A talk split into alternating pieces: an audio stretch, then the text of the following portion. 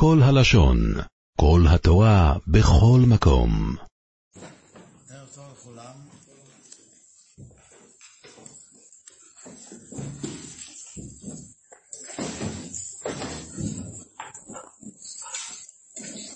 גם בפרשת ויחי, חוזר בפרשת, גם בפרשת ויגש, חוזר בפרשת ויחי, אנחנו מקבלים קצת מושג על דרכי משפטי השם. לא יכלו אחיו לענות אותו כי נבהלו מפניו, אומרים חז"ל, אוי לנו מיום הדין, אוי לנו מיום התוכחה. מה, מה הבהלה של האחים? והדרך שבה נקט יוסף מלמדים, מלמדים אותנו על יום הדין ועל יום התוכחה. סוף פרשת ויחי יעקב שולח, יוסף שולח לפרעה, אבי השביעני לפני מותו, אל נא תגברני במצרים.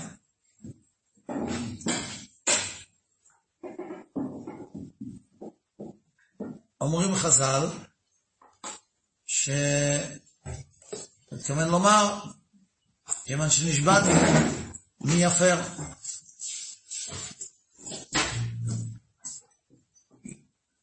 אמר לו פרעה, נשבעת, אמרת, אז מה? אמר לו יוסף, בסדר, אבל הייתה עוד שבועה, וגם השבועה הזאת היא, אמרת, אז מה? כשהוא נשבע לפרעה שהוא לא יגלה שפרעה לא יודע לשון הקודש, לא מסוגל ללמוד לשון הקודש, דיברנו על זה בזמנו.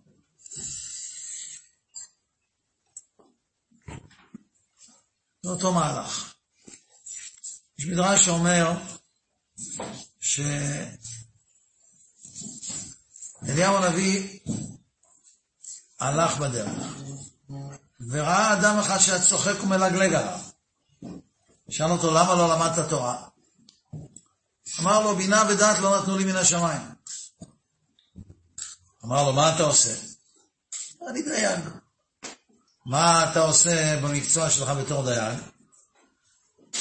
אז אני תובע רשתות, אני יודע היכן להשליך את הרשתות, אני יודע איך לתפוס את הדגים, אני יודע איך לטפל בדגים, פרנס. אומר לו, ומאיפה יש לך את היכולת, את הכישרון לעשות את כל המעשה הגדול הזה? הוא אמר, בינה ודעת, נתונים מהשמיים, יש לי כישרון לדייג. אמר לו, לזה נתנו ולזה לא נתנו? והתחיל אותו האיש בוכה. אמר לו, אל ירא בעיניך, שכל באי עולם באים לפני הקדוש ברוך הוא ביום הדין. והקדוש ברוך שואל אותם מה שאני שאלתי אותך, למה לא למדתם תורה? והם עונים לו מה שאתה ענית לי. זה לא דיבר אליי, אין לי כישרון לתורה, אני לא בנוי לזה. ואז הקדוש ברוך שואל אותו, מה אתה עושה? וכל אחד יגיד מה הוא עושה.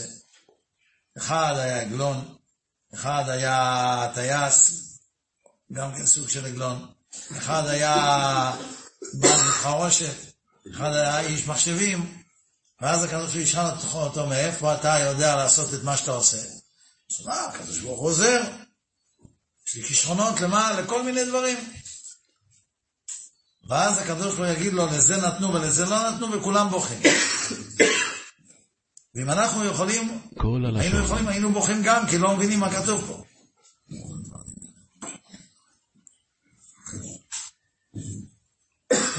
מה כוונת הדברים? מה כוונת הדברים? אבל הבן אדם, אתה שואל אותו, מה אתה עושה? הוא אומר, אני פרופסור למתמטיקה. הוא אומר, למה לא, למה אתה לא צייר? הוא אומר, כי אני לא צייר, כי אין לי כישרון לציור. כל הציורים יוצאים, כשאני מצייר ציור, כולם יוצאים חתולות. אז הוא אומר, למה אתה לא מצייר עם כישרון למתמטיקה? מי שואל כאלה שאלות? אחד יש לו כישרון למתמטיקה, אחד יש לו כישרון לציור, אחד יש לו כישרון להיות דייג, אחד יש לו כישרון ללמוד תורה. מה זה לזה נתנו ולזה לא נתנו? הרי ככה זה עובד. לזה נתנו ולזה לא נתנו.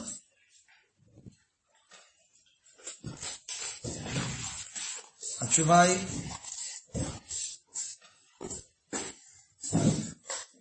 אני, כאדם שלא עושה כלום בבית, תמיד מסביר לאשתי שתדע לה שכל הבעלים יודעים לעשות הכל, הם רק לא רוצים. כשהם צריכים, הם יודעים. וכשאין להם שכל, הם מראים את זה. זה הכי מסוכן. אבל לכאורה זה לא עובד ככה, זה באמת לא עובד ככה. התשובה היא שתורה זה לא מתמטיקה, ותורה זה לא דייג, ותורה זה לא פיזיקה, תורה היא תורת חיים. כלומר, כל אחד יכול למצוא את עצמו עם הכישרון שלו בתוך התורה. אין כישרון שאתה לא מביא אותו כנדוניה לבית המדרש. אנחנו ראינו את זה בעולמם של בעלי התשובה, שהביאו אותם נדוניות נפלאות. הביאו אותם כל מיני דרכי חשיבה. הביאו אותם כל מיני מתודות של לימוד. כל מיני... היו כאלה שהיה להם כישרון לגרפיקה. והם הוציאו ספרים על אירובים, עם ציורים נהדרים. היו כאלה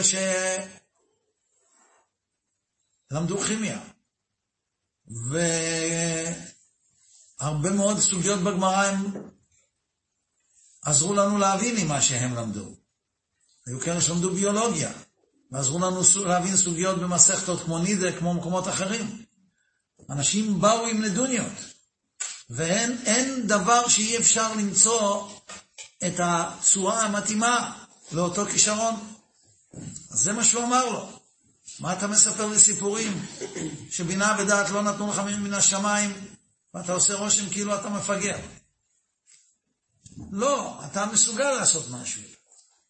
אז יש לך אי איזה כוח. אז נכון שעם כישרון לדייג אתה לא יכול להיות מתמטיקאי, אבל עם כישרון לדייג אתה יכול להיות תלמיד חכם בסגנון המתאים לכישרון שלך. כי אין סגנון ואין כישרון שאין אפשרות לנצל אותו בלימוד התורה. זה הפשט במדרש. אבל הרעיון של המדרש מעבר לפשט הוא שבני אדם סותרים את עצמם. וזה, על זה יהיה הדין בשמיים. כל התירוצים, החזון איש כותב באיגרת, שוויכוחים לא מובילים לשום מקום. ויכוחים לא מובילים לשום מקום. אתה צריך להביא אותו. אתה צריך להביא אותו לידי כך שהוא יכיר בזה שהוא טועה. ואיך הדרך הטובה ביותר להביא אותו להכיר בכך שהוא טועה, או להודות בכך שאפשר גם אחרת, זה מתוך דבריו שלו, מתוך המציאות שלו, מתוך ההתנהגות שלו. אתה צריך להעמיד לא ראי מול הפנים. וזה מה שעשה אליהו לאותו דייג, העמיד לו ראי מול הפנים. כשהנושא שאמרנו קודם, של לימוד תורה, ניתן לכל הכישרונות, היה מן הסתם ברור ומובן מאליו. ולכן הוא בכה, ולכן כל באי העולם יבכו. כי גם המתמטיקאי, וגם הדייג, וגם הפיזיקאי, וגם הרופא, כל אחד יודע, ידע לעתיד לבוא, שהוא באמת יכול היה לנצל את הכישרונות הללו ללימוד תורה. אז קודם כל לימדו אותנו פה מתודה. אל תתווכח. הרי הדיון יכול היה להתנהל אחרת לגמרי. הדייג אומר, בינה ודעת לא נתנו לי מן השמיים. הוא אומר, לא, כן נתנו, הם לא נתנו, הם כן נתנו, הם לא נתנו, הם כן, הם כן נתנו. עד שמגיעים בסוף להיטלר גבלס, כדרכנו בוויכוחים במחנותינו. הוא לא עשה את זה, הוא נתן לו להבין לבד.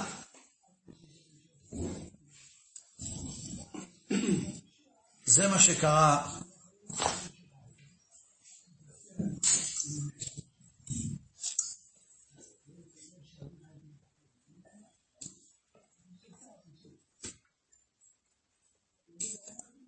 זה מה שקרה עם יוסף מהשבטים. באו ואמרו לו, בא יהודה וניגש אליו ואמר לו, אם אתה לא נותן לנו את בנימין, ותהיה הסיבה הצודקת ככל שתהיה, אתה דן את הזקן למוות. והיה בקירותו כי אין הנער, ומת. והורידו עבדיך את שיבת עבדך אבינו ביגון שאול. אמר להם יוסף, אני יוסף. העוד אביחי. פתאום אתם דואגים לאבא? איפה הייתה הדאגה הזאת לאבא כאשר מכרתם אותי מצרימה? אני יוסף אחיכם אשר מכרתם אותי מצרימה? ואז לא יכלו לענות אותו. הוא העמיד להם רעים מול הפנים. אותו דבר יוסף ופרעה. כששלח יוסף לפרעה, הוא אומר, אבי השביעני לפני מותו, אז פרעה בוודאי אמר לו, בכל מיני דרכים, להסביר לו שצריך ללכת בשיטת בית הלל, וכוחא דהיתרא עדיף, ובכלל, עכשיו בכלל הדף היום מזה נדורים ולא שבועס, השבועס אולי בכלל לא תופס, ובכלל, וזה איסור, איסור חפצה, לא איסור גברא, וכל מיני דברים, ובטח אמר לו חבורס שלמות. אמר לו יוסף, יופי, כל מה שאתה אומר לי, את כל הנימוקים המשכנעים, שכנעת אותי, לא מתווכח איתך. אז מה דעתך על זה שאני גם אספר בהספד על אבא שלי, שאבא שלי לימד אותי לשון הקודש, ואני לא הצלחתי ללמד אותך? אה, זה לא. למה זה לא? מה עם כל, כל ההסברים המחוכמים והאינטליגנטים שהסברתי לי קודם שלא צריך לשמוע על השבועה? אומר פרעה, טוב, טוב, טוב, קח אותו. אומר המדרש, שככה זה יהיה לעתיד לבוא, שהקדוש ברוך הוא, כל אחד ואחד יראה לו מתוך ההתנהגות והדיבורים והמעשים והמחשבות שלו. איך שכל מה שהוא מנסה לתרץ את עצמו, כל זה מתנפץ על קרקע הדברים שהוא אמר והדברים שהוא דיבר. מעין זה אמרנו, בשיעור שאמרנו פה, שנה הזאת גם כן על ספר יונה, שהקדוש ברוך הוא עומד לדון את עם ישראל ולנעול את הדין ולחתום את גזר הדין, אנחנו קוראים ספר יונה. למה? כי השטן המקטרג אומר, תשמע, הם אמנם עכשיו עומדים כמלאכים, מתעטפים לבנים, לא אוכלים ולא שותים, אבל אני מכיר אותם מכל השנה. זה אותם אנשים שכל השנה עושים שטויות. ואז אנחנו קוראים ספר יונה. אנחנו אומרים לקדוש ברוך הוא, הרי אתה אמרת ליונה, ואני לא אחוס על מנווה, כשיונה אמר את אותו דבר עצמו. אמר, הלא זה דברי על אדמתי, על כן מיהרתי לברוח תרשישה. כי אמרתי, כי אתה כן רחום וחנון וניחם על הרעה. אז למה להם אתה מרחם ועליי מתנחם ועל... ולי לא נתת הזדמנות? אז יונה הולך ומצטט מהקדוש ברוך הוא בעצמו. אז, אז הקדוש, אנחנו הולכים ומצטטים מהקדוש ברוך הוא בעצמו, שאומר, ואני לא אחוס על ננבה, שהוא אמר ליונה. אז אם הקדוש ברוך הוא מנהל כך את הדין נגדנו, אנחנו גם כן מנהלים כך את הדין בעדינו, ביום הדין. מה משמעותה של הדרך הזאת? האם משמעותה של הדרך הזאת זה באמת שהאחים רימו? האם האחים רימו כשהם אמרו לו שאתה תגרום למותו של אבינו כשהם הראו שהם דואגים לאביהם? האם הם לא דאגו לאביהם? האם בזה שיוסף אמר, אני יוסף, העוד אבי חי, הוא הוכיח להם שהם שקרנים, שהם סתם פוליטיקאים שטחיים, אז למה כתוב ולא יכלו אחיו לענות אותו כי נבהלו מפניו? למה זאת בהלה? היה צריך להגיד כי נתביישו מפניו. הוא חשף אותם. הוא חשף את פניהם. כוחות הנפש לא עובדים. בשעה שאדם אומר, בשעה שהזקן הזה אמר לאליהו הנביא, הדייג, בינה ודעת לא נתנו לי מן השמיים, הוא התכוון לזה, הוא האמין בזה. ובשעה שבאים ואומרים לו, תשמע, אתה דייג מוזנח, חדל אישים, חסר כישרון, הוא ייעלב. כי הוא יאמין בזה באותו רגע, שהוא דייג מוצלח, ויש לו, מבינה ודעת נתנו לו מן השמיים. או במילים אחרות, בשעה שאליהו הנביא שאל אותו, מניין לך כישרון? הוא ענה, בינה ודעת נתנו לי מן השמיים. הוא לא התכוון להגיד איזשהו משפט של, של אה, צדקנות, להראות שהוא באמת מאמין בקדוש ברוך הוא. הוא באמת האמין בזה. אז מה זה לזה נתנו ולזה לא נתנו? מתי זה נולד?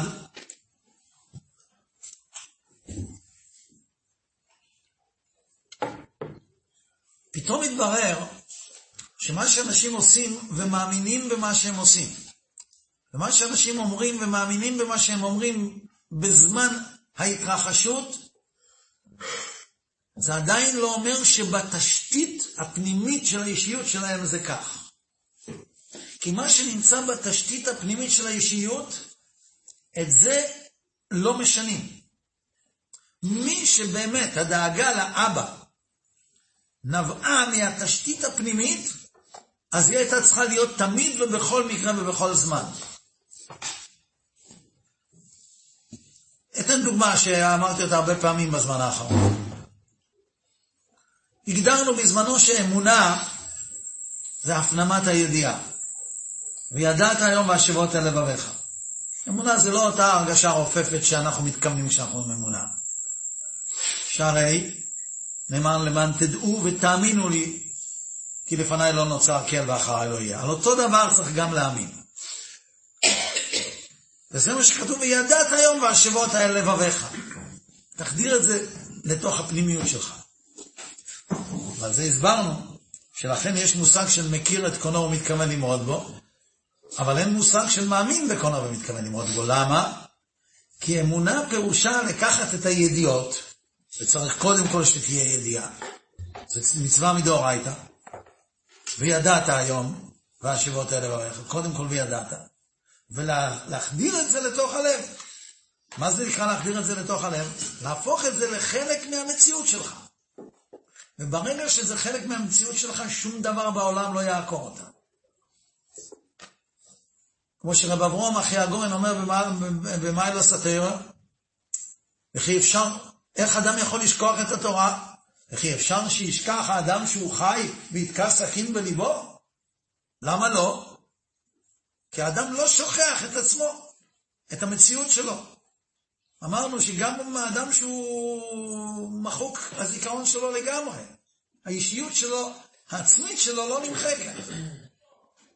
את עצמו הוא לא שוכח. זה, זה איזשהו מין מלכוד, מלכוד לוגי. הרי מה זה נקרא שהוא שכח את עצמו? הרי צריך להיות איזה הוא שישכח את עצמו. אבל אם הוא שכח את עצמו, אז אין הוא, אז הוא לא זוכר את עצמו. אז איך הוא שוכח את עצמו? הרי צריך שיהיה אני ששוכח את האני שלי. כלומר, מה שקשור לעצם האני, אי אפשר לשכוח. אנחנו רואים את זה אצל חולי אלצהיימר. מה באמת טבוע אצלם? מה באמת טבוע אצלם?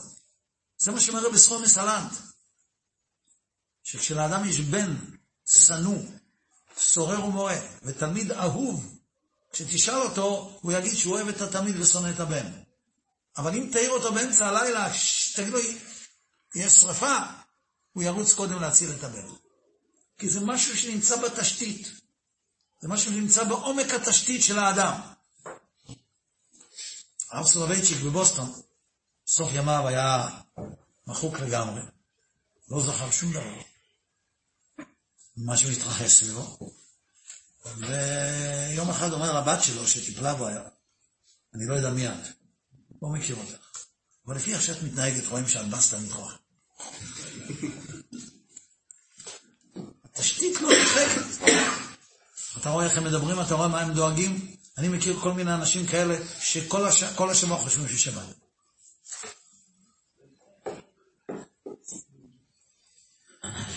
כל הזמן דואגים לחילול שבת. אתה רואה מה נמצא, אתה רואה מה נמצא בתשתית של האישיות שלהם.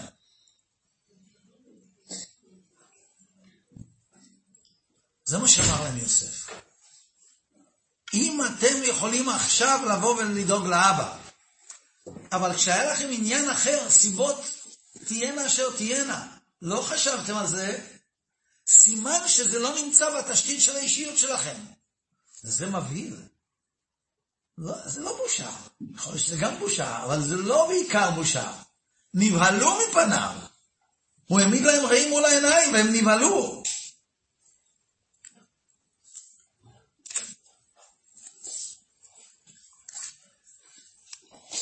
חזון איש כותב באיגרת, בפתיחה של איזושהי איגרת שהוא כתב, אומר מתי הוא כתב את זה? לא כתוב תאריך. הוא כותב ככה.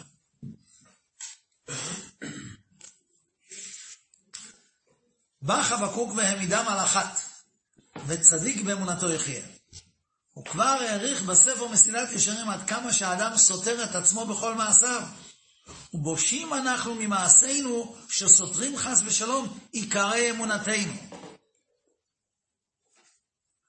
אמרו חז"ל, היכי דמי אפיקורס, זה שאפשר לא לעסוק בתורה ואינו עוסק.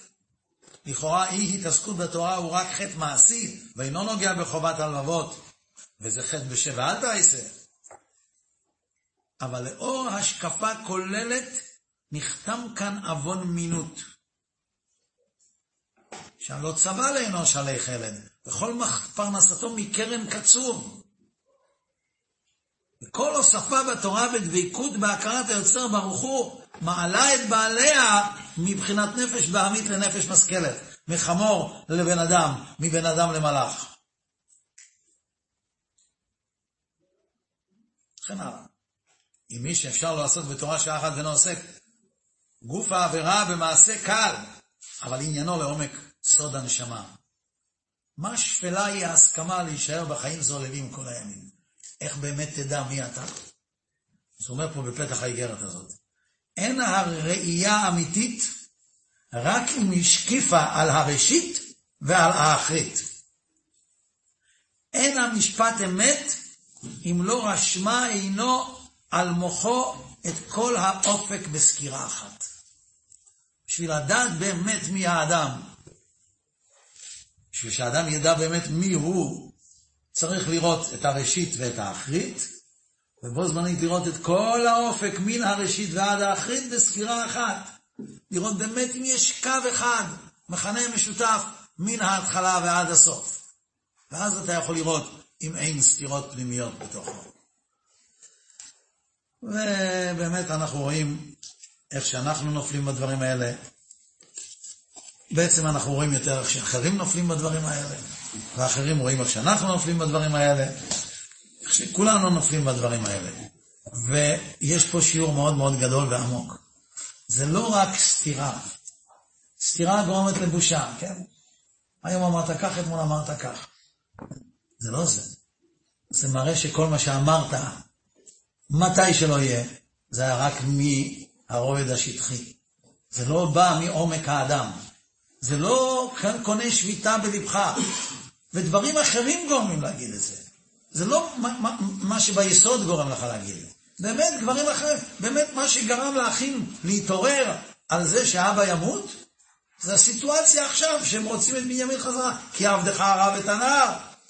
וזה מה שהראה להם יוסף. כי כשהיה יוסף בעניין, אז דברים אחרים היו, עמדו מול עיניהם, שהסיטו את הדעת והכל בחישובים של תורה. אבל כשהם אמרו שאנחנו דואגים לזקן שימות, הם התכוונו לזה. הם חשבו כך. כמו שהזקן ההוא, הדייג, התכוון שבינה ודעת לא נתנו לנו מן השמיים. אבל זה הכוונות שטחיות. זה לא דבר שנובע מעומק האדם. זה שיעור אחד.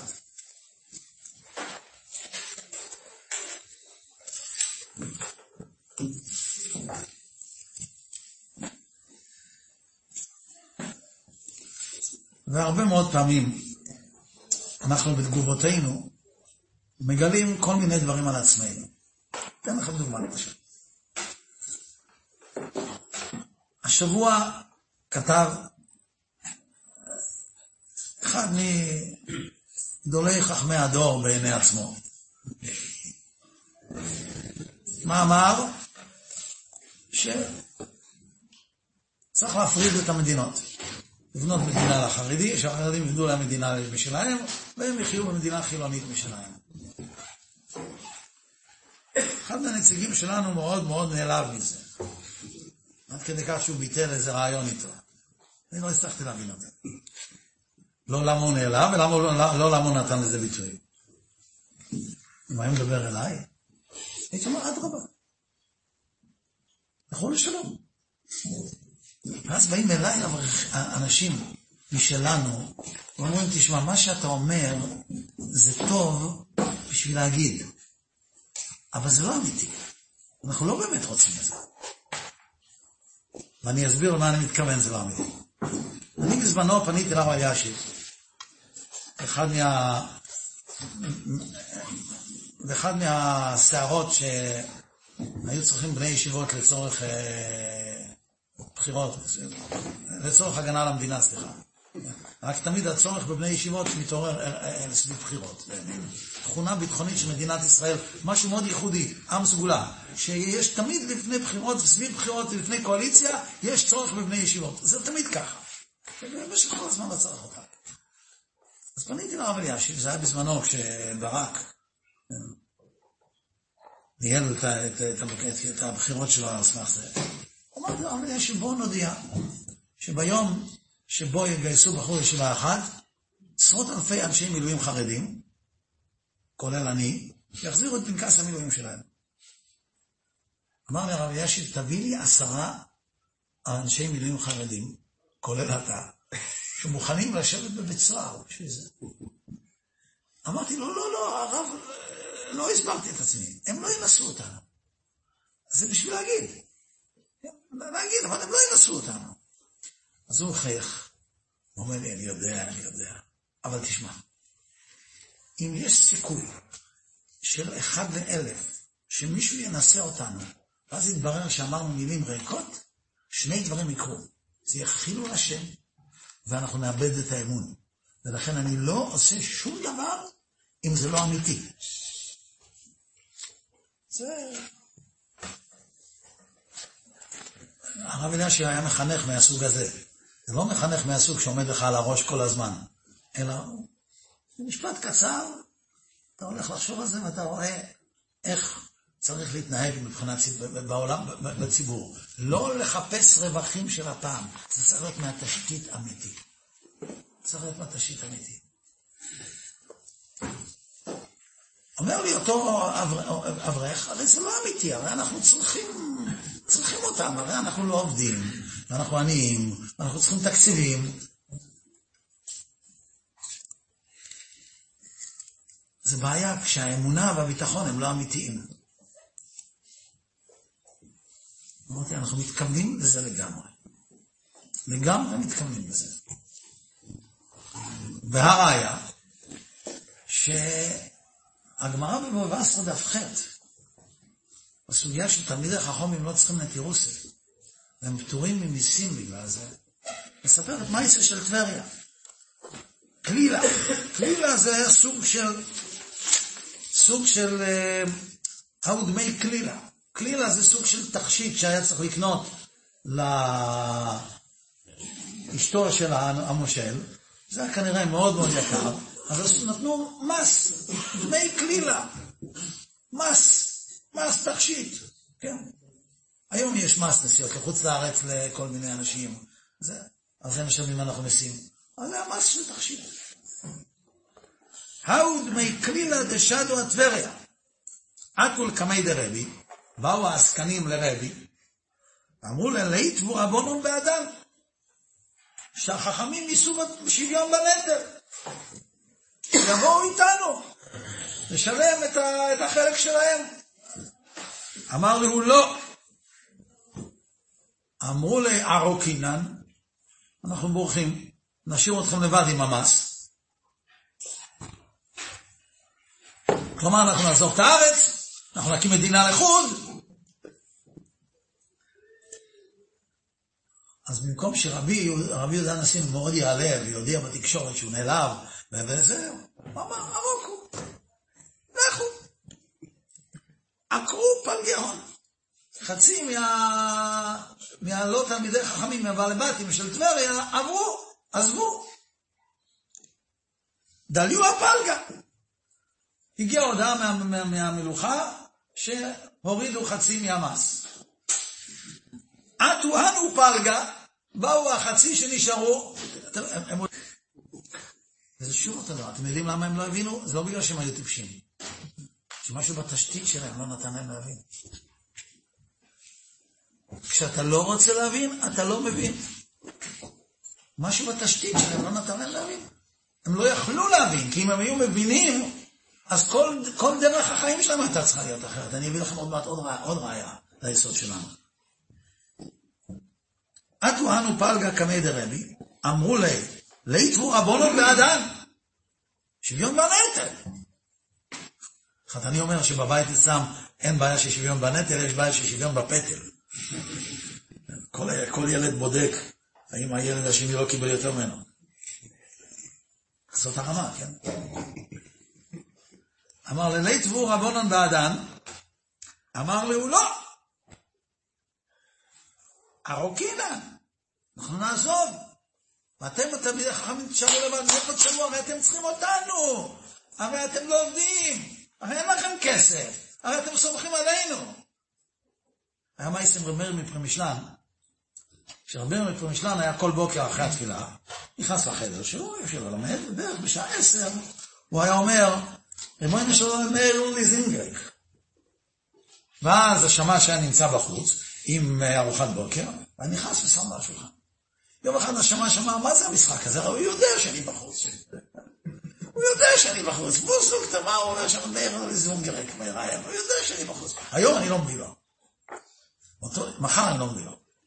בבוקר של המחרת, מוקדם בבוקר, אמיר שלה היה קם בעוד לילה, וזה היה חורף, קרח, גשם, שלוליות, בוץ. הגיע איזה יהודי לעיירה, לפנות בוקר הוא ראה איזה אדם זקן כזה, הולך בין השלוליות, פחז עליו יצחו, והוא שלח לו רגל. הוא השתטח על הרצפה. ורמיר מפרמי שלנו, כמו שהוא נהג לדבר, אומר, אוי ואי ריבונו שלום, מאיר לסגפון. מאיר נפל. הוא שמע את זה, הוא תפס את בהלת חייו. מי הוא הפיל? הרי הוא בא לפה בשבילו. לא יודע מה לעשות. הלך לבית כנסת, ישב, בכה, בכה, בכה. ישבו אנשים שאלו אותם, אתה בוכה? סיפר להם. אמרו לו, אל תדאג. הוא כזה אדם ענב, וכזה אדם טוב, אתה תיגש אליו, תבקש ממנו סליחה, והוא ימחל לך. הוא אומר, אני מתבייש, איך אני אגש? אמרו לו, תראה, כל יום בעשר הוא אוכל ארוחת בוקר. קח, מה הוא אוכל? קפה, עוגה. קח מגש, תשים על זה את הספר קפה ואת העוגה, ותכניס את זה לעשר. בעשר השמש יושב שם בלי כלום, ומחכה לראות מה יקרה, ואז אומר מבחינת שלנו, אומר, ריבונו של מאיר רעב, וטראח, ההוא מגיע עם המגש, נכנס פנימה ושם את זה על השולחן. את רואה שזה אמיתי, שזה באמת אמיתי, זה לא איזה הצגה, רצון יראה ויעשה, זה אמיתי, זה בא מהתשתית. אמרו לו, ארוקינה, אתם, הרי אתם סומכים עלינו, הרי זה שאתה אומר לא, זה בגלל שאתה בטוח שאנחנו נשלם את הכל. כמו הסיפור מסבא מינו ורדות, מכירים? הלך פעם בתחנת הרכבת, על הרציף, הלוך וחזור, והרכבת עוד חמש דקות נוסעה. ניגש לאדם אחד, אני רואה אותך, הולך, לא יודע, אני רואה אותך, הולך, הולך וחזור, הולך וחזור. מה הבעיה? הוא אומר, אני צריך לנסוע ברכבת. הוא אומר, למה אתה לא רואה? הוא אומר, כי אין לי כרטיס. הוא אומר, למה אתה לא קונה כרטיס? הוא אומר, כי אין לי כסף. הוא אומר, אז מה אתה עושה פה? הוא אומר, הקדוש ברוך הוא יעזור.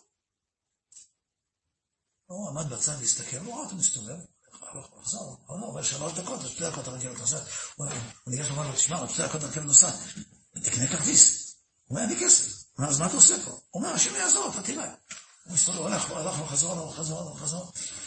הרכבת סופרת. ההוא כבר לא יכול לסבול את זה, ניגש לקופה, קנה כרטיס, הוא אומר, קח את הכרטיס, והוא עלה לרכבת. הרכבת התחילה לנסוע, ניגש אליו היהודי הזה, הוא אומר לו, נו, מה אתה אומר? אם לא הייתי קונה לך כרטיס, איפה השם יעזור? הוא אומר, עזר, הוא שלח לך.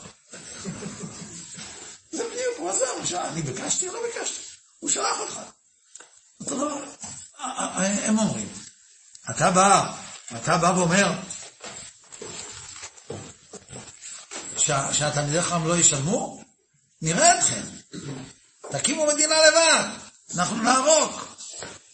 ארקו כולו. פשע הוא כובס. נשאר איזה כובס אחד שהיה חבל לו לסגור את המכבסה. שדיוע הכובס. אז כל המכס, את כל המסה, הפעילו על ראשו של הכובס. הרק הכובס, פקע קלילה. נפקע המס, או שנפקע התחשיב, זה כבר לא היה מה לקנות, מאלה לא היה מס. אפשר להסביר את זה כך או כך, לא משנה. מה אנחנו מדברים? על מה אנחנו מדברים?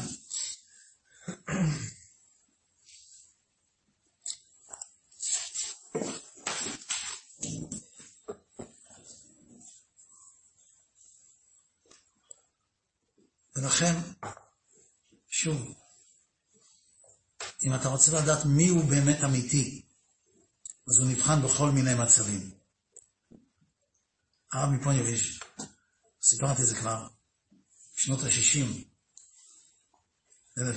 של המאה הקודמת, 1960 בערך, הישיבה עמדה על סף פשיטת רגל, רחובות של עשר שנים, והישיבה בשבילו לא הייתה רק מפעל חייו בתור ראש ישיבה, זה היה הנצחה של כל מה שהיה לו, זה, זה, זה, הכל נגמר לו. הבן שלו שנשאר בחיים זה הנס. שבמקרה הוא, הוא היה מחוץ לאזור כשהתחילה המלחמה. כל המשפחה, ילדים, אישה, הכל הלך שם. הוא נסע ללוס אנג'לס, ושם הייתה אישה עשירה, שמאוד התרשמה ממנו, נתנה לו צ'ק של רבע מיליון דולר.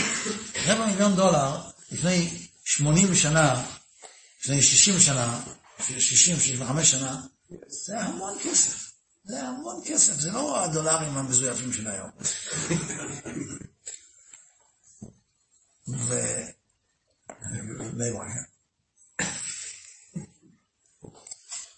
בבני ברק מזייפים שקלים, צריך לשלוח אותם לבית חולים. מי שמזייף דולרים, לוקחים אותו לבית סוהר, מי שמזייף שקלים, צריך לקחת אותו לבית חולים. ומה הוא משקיע? בכל אופן, הוא לקח את הכסף, הוא אמר לה תודה רבה. והיא הושיט על היד. והרב פה שם כל מיני תרגילים שהוא היה עושה בהזדמנויות כאלה. אבל היא תפסה את התרגילים, אומרת לו, הרב לא לוקח את היד שלי. את הכסף שלי הרב לוקח ולא את היד שלי. אם הרב לא לוקח את היד שלי, אז שלא ייקח גם את הכסף. נתן לה בחזרה את הצ'ק ויצא. אחר כך הוא הגיע ללונדון וג'קי לוינסטון אסף לו את השירי לונדון והוא הצליח להציל את הישיבה.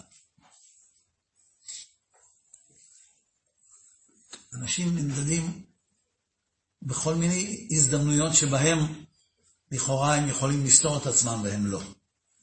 והם לא. האישה הזאת אחר כך חודשים רדפה אחרי הישיבה כדי לתת כסף, ונתן הוראה לא לקבל ממנה שום כסף. היא שלחה חמשת אלפים דולר, שלחה אלף דולר, שום דבר לא לקבל ממנה.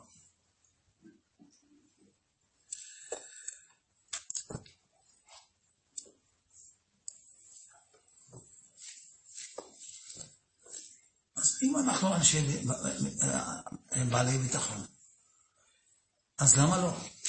אז למה באמת לא? אז בואו ניזום את זה אנחנו. נקים מדינה משלנו, עם כנסת משלנו, עם יושב ראש כנסת, אדם נורמלי משלנו, וניפטר מכל הגועל נפש.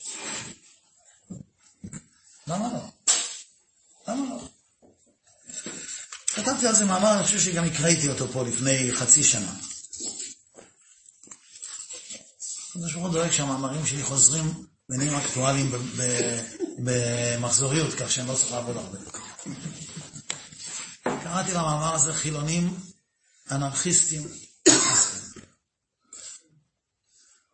בספר דברים שבעל פה, בחיים נחמן ביאליק, מופיע תיאור ביקור שערך המחבר אצל אחד העם, בסוף ימיו של הלה, וכך מתאר ביאליק. לפני שאני אקרא את זה, אספר לכם סיפור. יש בתל אביב מקום שנקרא המכון לביטחון לאומי.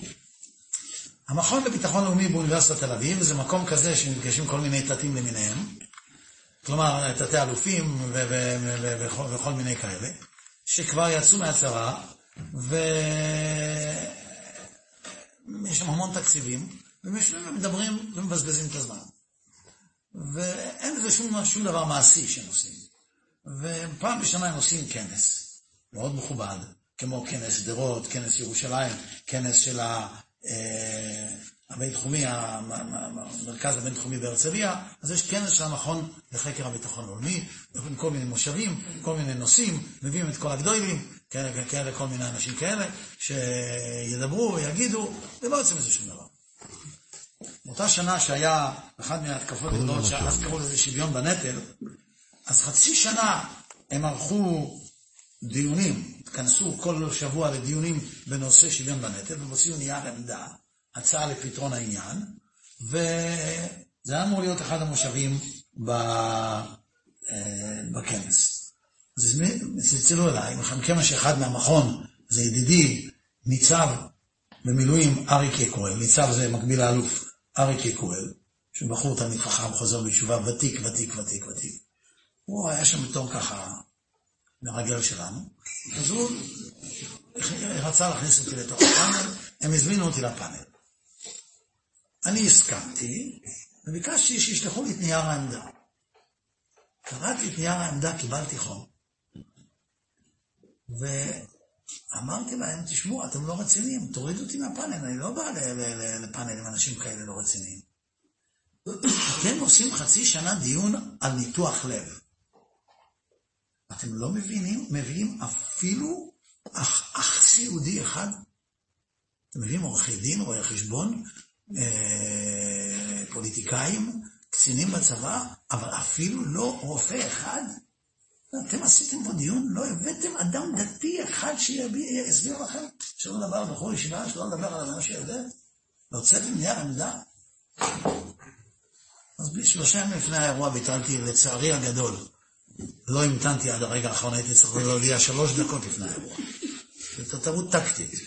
הייתי צריך להודיע שלוש דקות לפני האירוע שאני לא בא. כי בגלל שהודעתי שלושה ימים קודם, אז הם הזמינו מישהו אחר. והוא צלצל אליי, ואמרתי לו, אל תלך, אל תלך, הוא הלך וזה היה לא טוב. כי ככה, אף אחד לא בא. אז באמת, מפקירים להם את הבמה וזהו. ואז כל בר דעת מבין שאין לזה שום משמעות אם אין צד שני. לשיטתם זה לא תקני. אחרי האירוע הם עשו ישיבה, לדון אם יש להם עוד מה לדבר, לישיבה הזאת באתי. למה הלכתי לישיבה הזאת? בשביל להפוך שולחנות, אני די טוב בזה. לא פיזית, בלי אלימות, בלי צעקות, אבל... היו שם כמה חופשי כיפות גם כן, כאלה, כיפות מחמד כאלה. אמרתי למכור, אני רוצה להגיד לכם איפה נמצא, לגלות לכם, גילוי היסטורי, איפה נמצא פתרון הבעיה. פעם אחת ולתמיד שתדעו, מי שתפתור לכם את הבעיה תהיה אתרוגה העוזרת. מכירים אותה? אמרו לי לא. אמרתם, אני אפגיש אתכם איתה. היה סטיריקן שקראו לו אפרים קישן. הוא כתב פיליטון על אתרוגה העוזרת. מדובר בשנות העליות הגדולות מכל מיני ארצות, ואז בשנת 1956 הייתה עלייה גדולה מהונגריה, ומי עלה ב-56? אותם אנשים שלא עלו לפני, ולא עלו ב-48, 49, מתי שאימא שלי עלתה. ובדרך כלל האנשים היותר אה, אליטיסטיים, ומי שמכיר את ההונגרים האליטיסטים הללו, כן, אני גדלתי בנתניה, הכרתי אותם היטב, אנשים סנובים שהחזיקו לעצמם אינטליגנטים גדולים. זוג כזה שבבית שלהם הכל עם מפות אה, כותנה ועם אה, פורצלנים ועם אה, כל מיני קשקושים כאלה, הכל מצוחצח, מחפשים עוזרת בית לניקיון. המליצו להם על אתרוגה העוזרת. הם מאוד רצו לקחת אותה, אבל אתרוגה העוזרת היא תימניה. הם פחדו, כי הרי היא תגנוב. אבל הם מאוד רצו אותה, כי המליצו עליה. אז אומרת בעלת הבית לבעל הבית, בוא נעשה לה מבחן פעם ראשונה. אתה תשים שטר של חמש לירות מתחת לשטיח באמבטיה, ונראה אם היא תיקח את זה. מגיעה את רוגע העוזרת, מסתובבת בבית, ממהרים להם מה לעשות, הם מסתגרים בחדר שלהם, הם מחכים במתח לראות מה יקרה, כי חבל להם אחרי חיפושים, הם מצאו מישהי שיודעת לעבוד, היא גמרה לנקות את הבית אחרי שעתיים, היא באה, הם רואים את הכל, הכל יפה מאוד, ואז נותנים לה את שכרה, והיא אומרת, רגע, מצאתי את זה, מצאתי מתחת לשטיח באמבטיה, נותן להם שטר של עשר לירות. בעלת הבית מסתכלת על בעל הבית במבט כזה, שכל חתן אחרי השבע ברכות כבר מכיר את המבט הזה. זה מבט כזה שאומר, אתה תראה, אתה מה שיהיה כשאנחנו נהיה לבד. כזה חסר אחריות. דיברנו על חמש לירות, למה סיכנת עשר לירות? אבל קורה, טועים, מתבלבלים, הוא לקח את העשר לירות, שם בכיס, אמר לו תודה רבה, יפה מאוד, מתי את באה עוד פעם? היא עבדה במבחן. היא אמרה, לא, אני לא באה עוד פעם. אמר לה, מה? אני מתפטרת. אומרת, למה? כי אני לא עובדת אצלכם, אתם גנבים. הרי אתה יודע שאתה שמת שם מתחת לשטיח חמש לירות. למה לקחת לי את העשר לירות שלי פה? אמרתי להם, אתם חושבים שאתם באים אל בני הישיבות ואתם אומרים להם, מאשימים אותם שהם אה, אה, לא תורמים, שהם משתמטים, ואתם חושבים שהם יתנצלו, אתם חושבים שהם ירגישו טוב, ירגישו לא טוב. אתם יודעים מה חושבים על מה אנחנו חושבים עליכם? אתה, גם אם אתה היית טייס בכיר, מפקד טייסת פנטום, ואתה כל יום מהבוקר עד הערב הפלת 75 אלף מטוסי אייף כל חמש דקות. חילול שבת אחד שלך לא מאז, אה, אה, אה, גורם שכל מה שתרמת לביטחון המדינה לא מאזן את הנזק שאתה גרמת. אתה יודע מה? כל חובשי הכיפות פה חושבים כמוני, רק הם מתביישים להגיד לכם. או שיורידו את הכיפות שלהם, וקמתי והלכתי, ברחתי, עד עכשיו הם רוצים אחריי. זאת האמת. הם חושבים שהם באים אלינו בטענות, הם אומרים, הם... שיגידו מה שהם רוצים. ספר דברים שבעל פה לחיים נחמן ביאליק, הופיע תיאור ביקור שערך המחבר אצל אחד העם, אשר צבי גינזבורג, שנחשב לאבי הציונות הרוחנית, בסוף ימיו של הלה. וכך מתאר ביאליק. שפכתי לפניו את ליבי על המצב כאן בארץ ישראל ומצב היהדות בחו"ל. אמרתי לו, יש לפעמים רצון ללבוש טלית ותפילין וללכת לבית הכנסת ולהתערב עם כל היהודים הנושאים עדיין עול מצוות אלה. אמר לי, היי ידידי, אם יש רצון כזה, שמע בקול לבך, עשה מה שלבך מצווה לך. אילו הייתי אתה צעיר, הייתי נוהג בהרבה מן הדברים מנהג אחר לגמרי. ואז מתרגש, עצם עיניו, פניו אדמו כבהתקפת עצבים, בקול חלש אבל צלול, אמר, ידידי, הדליקו עוד פעם את אש הקודש. אם האש תכבה, יעזבוכם כל הצעירים, יברחו מכם, ירקו עליכם. מה להם פה ומי להם פה, בלי אש הקודש הבוערת בליבם.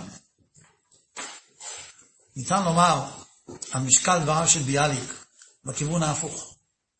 לפעמים, נוכח מה שאנו רואים ושומעים לפנינו, מתעורר רצון לומר הפוך מדבריו. אצלו התעורר הרצון לשבור את החילוניות בה שקע ולחזור לטלית ולתפילין ולאנשים הנושאים בו על מצוות אלה. ואצלנו מתעורר לעיתים הרצון ההפוך.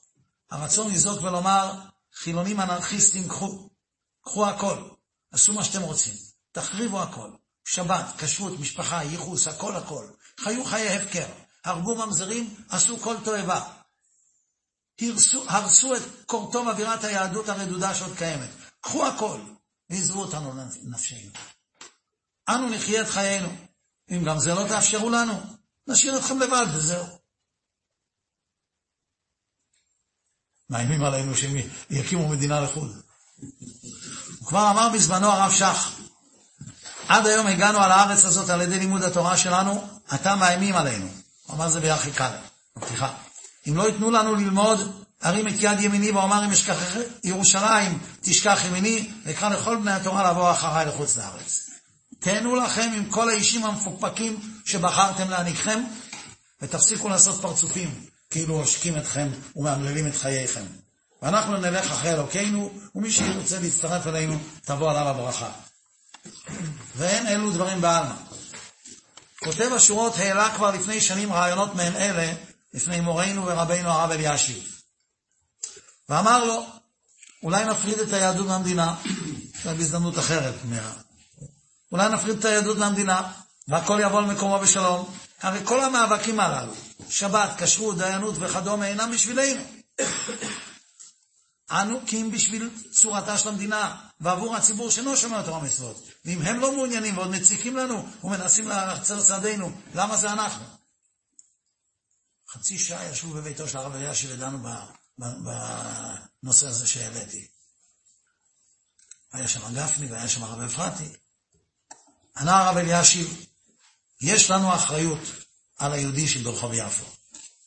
אותו יהודי שהקשר הרופף שלו ליהדות מתבטא ומצטמצם בכך שהוא חי במדינה יהודית, במדינה הנקראת יהודית, ניקח לו את זה, לא הוא ולא ילדיו ימצאו דרכם אל היהדות. ולכן אנו מתבזים ונאבקים מאבק שכל כולו לטובת אלה שנלחמים בנו.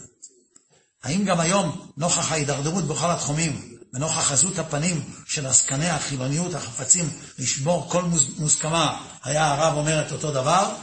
מי יודע? אני סיפרתי על הדיון הזה אצל הרב אלישיב בוועידה שהייתה לדגל התורה בקיבוץ חפץ חיים.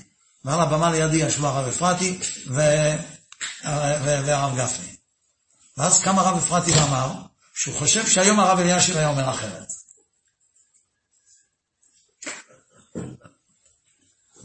אני לא יודע מה לחשוב. אני לא הכרתי את הרב אלישיב כמו הרב אפרתי, הכרתי אותו יותר מרוב האנשים בארץ, אבל הרבה פחות מהרב אפרתי. כן, אז כך שאני לא מספיק יודע לנחש. אבל זה גם לא רלוונטי, כי היום יש לנו את מי שצריך לשאול היום. זה, אנחנו מדברים היסטוריה. כן?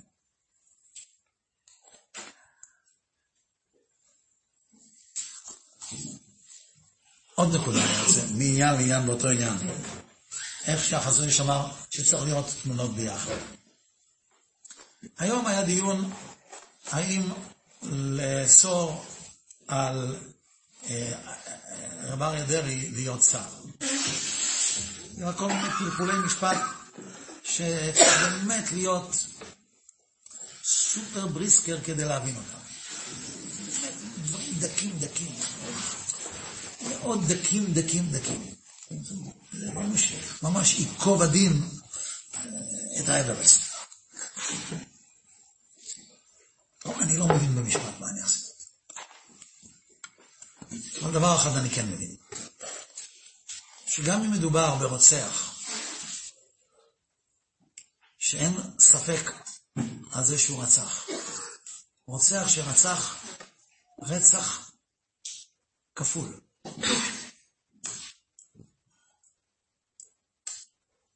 אם עם ישראל זקוק לו, מן הראוי לדחות את העונש שלו לזמן אחר.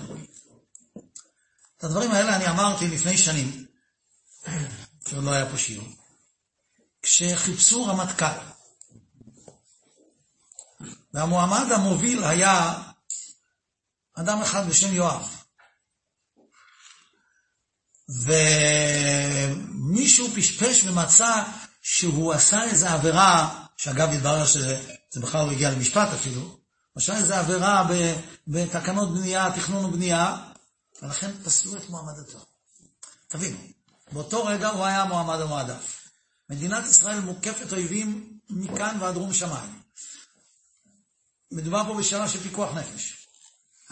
אני לא מבין בזה, אבל לשיטתם, ואלה שפסלו אותו ידעו את זה, הוא היה המועמד המועדף. כלומר, ויתרו על המועמד הטוב ביותר, בגלל איזה פלפול משפטי, במקום לבוא ולהגיד, רגע, רגע, עכשיו עם ישראל צריך לו, ארבע שנים ניתן לו לתרום, ואחר כך נדון אותו. מה בוער? מה בוער? בית הסוהר ייסגר עד אז. לא. במקומו בחרו אחד בשם בנימין גנץ. שעד כמה שהוא היה מתאים, חבל לדבר. אחרים דיברו. עד כמה שהוא מתאים, כולם רואים היום. שום משפט מסודר לא יוצא מהפה שלו. למרות שבחור נחמד דווקא.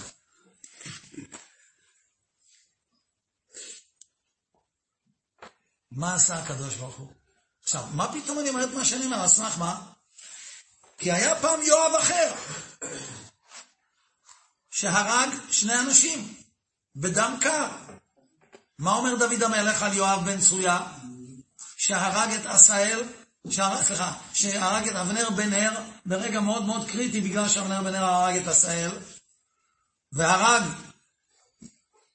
את אבשלום, כשדוד המלך ביקש ממנו במפגיע, לא לאט לכם בנער באבשלום, דוד המלך אומר, בני צרויה קשים ממני, ואני רך ומשוח למלך. אם אני עכשיו ידון אותו, זה יפגע בכלל ישראל. הוא שר צבא, אנחנו בזמן מלחמה, אחר כך, לפני שדוד המלך מת, הוא ידע שבימי שלמה כבר לא יצטרכו אותו בתור שר צבא. איך הוא ידע? כי הרי הקדוש ברוך אמר לו, אתה לא תבנה, כי איש דמים היית, אתה לחמת מלחמות. בימי בנך, שיהיה איש שלום, וממילא אז לא יצטרכו שר צבא כבר. ואז הוא מצווה את שלמה, שלא יוציא אותו בשלום, וידון אותו, וייתן לו את מה שמגיע לו, כמו ששלמה במלך עשה. וזה עולם אחר. מה עשה הקדוש ברוך הוא? לא רציתם אותו בתור רמטכ"ל, אחרי כמה שנים קיבלתם אותו בתור שר הביטחון. ועל הרקע הזה, הרי לייטמן דה פאלי, שאם ייקחו אותו, זה שמנסים עכשיו לדאוג, לדאוג שיבטלו את מינויו, זה יערער את כל המערכת. זה יערער את כל המערכת, אמרו את זה בבית המשפט. אני מניח שבית המשפט מספיק, יהיה מספיק חכם לא להתאבד ולעשות את זה. נדבר על הרעיון. צריך להגיד לו, אל תדאג, מול עיניך בדיוק עכשיו ראית איך שכשרואים את כל האופק בראייה אחת, ורואים מההתחלה ועד הסוף, רואים איך שחשבונות נסגרים. אז בסך הכל, צריך להגיד להם, אם אתם לא רוצים לטובתו, אז תעזבו אותו. כי מה שתעשו יהיה בדיוק להפך. כמו שקרה אצל אה, אותו אחד שלא רציתם לנהוג בו מנהג יואב בן צרויה, אז סידרו את זה אחרת. והוא עכשיו השר הממונה על הרמטכ"ל, ולא רק מה שרצה להיות אז הרמטכ"ל. תודה רבה. עולם שלם של תוכן מחכה לך בכל הלשון, 03 617 1111